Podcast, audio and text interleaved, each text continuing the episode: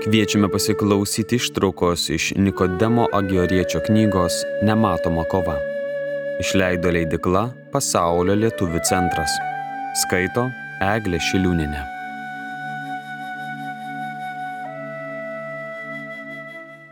Dvidešimt antras skyrius.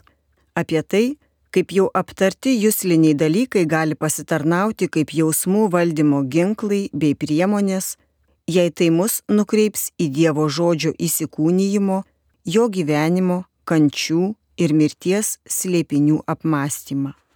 Anksčiau tau kalbėjau, kaip galima nuo jūslinių dalykų protu pereiti prie Dievo kontempliacijos. Dabar pamėgink kitų būdų pakilėti savo protą nuo jūslinių dalykų prie dieviškų, pereidamas prie apmąstymų apie Dievo žodžio įsikūnyjimą, jo gyvenimo, kančios ir mirties slėpinius.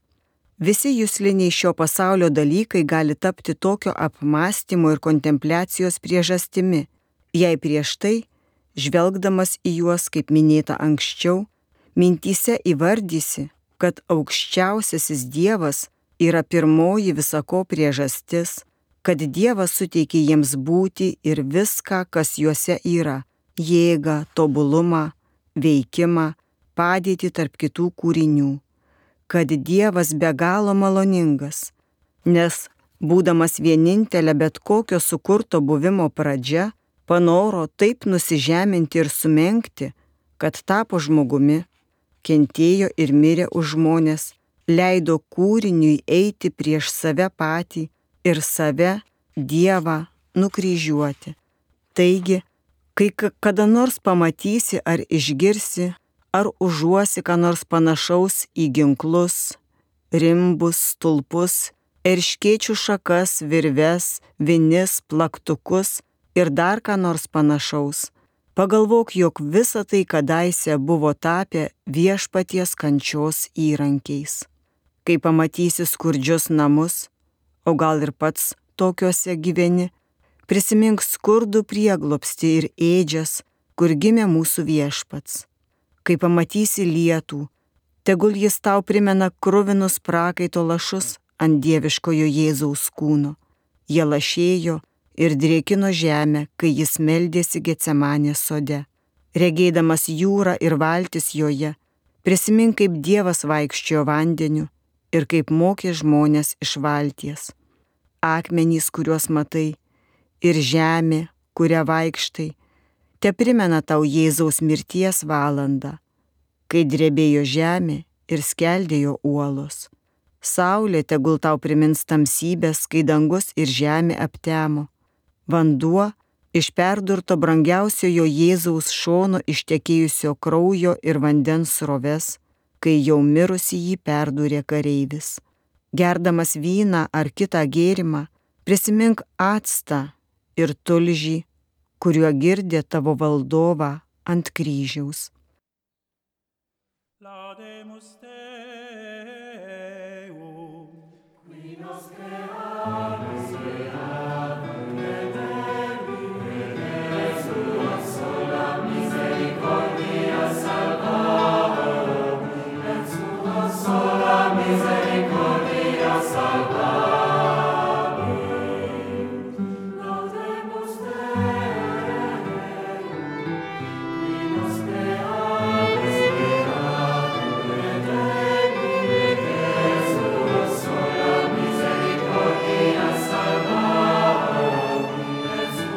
soll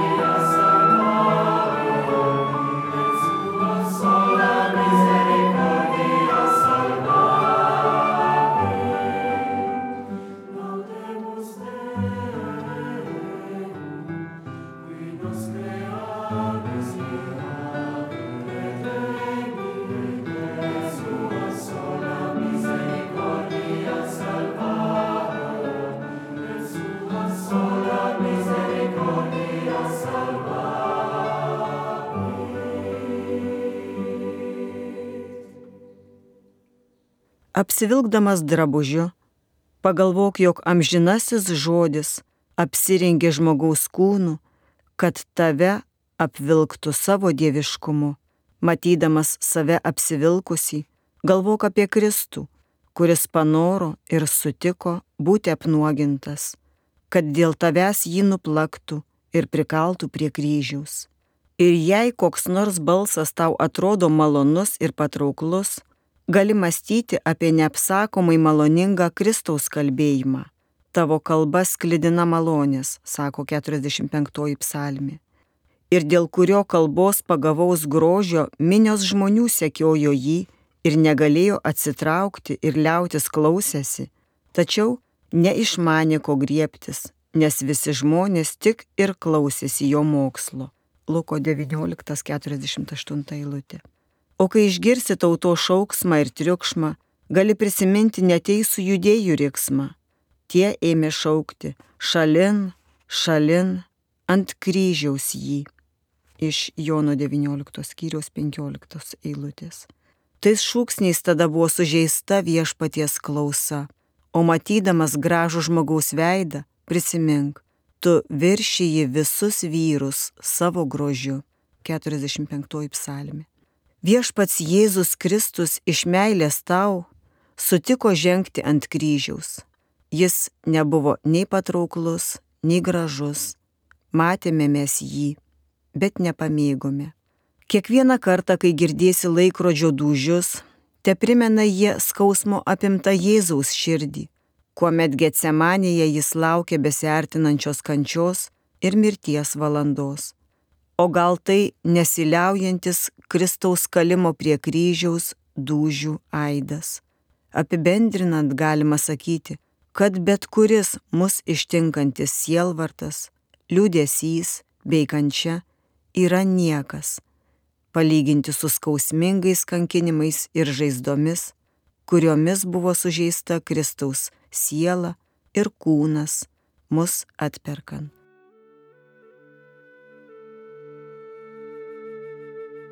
Girdėjome ištrauką iš Nikodemo Agioriečio knygos Nematoma kova. Knygą išleido leidikla Pasaulio lietuvių centras 2023 metais. Skaitė Eglė Šiliūnenė.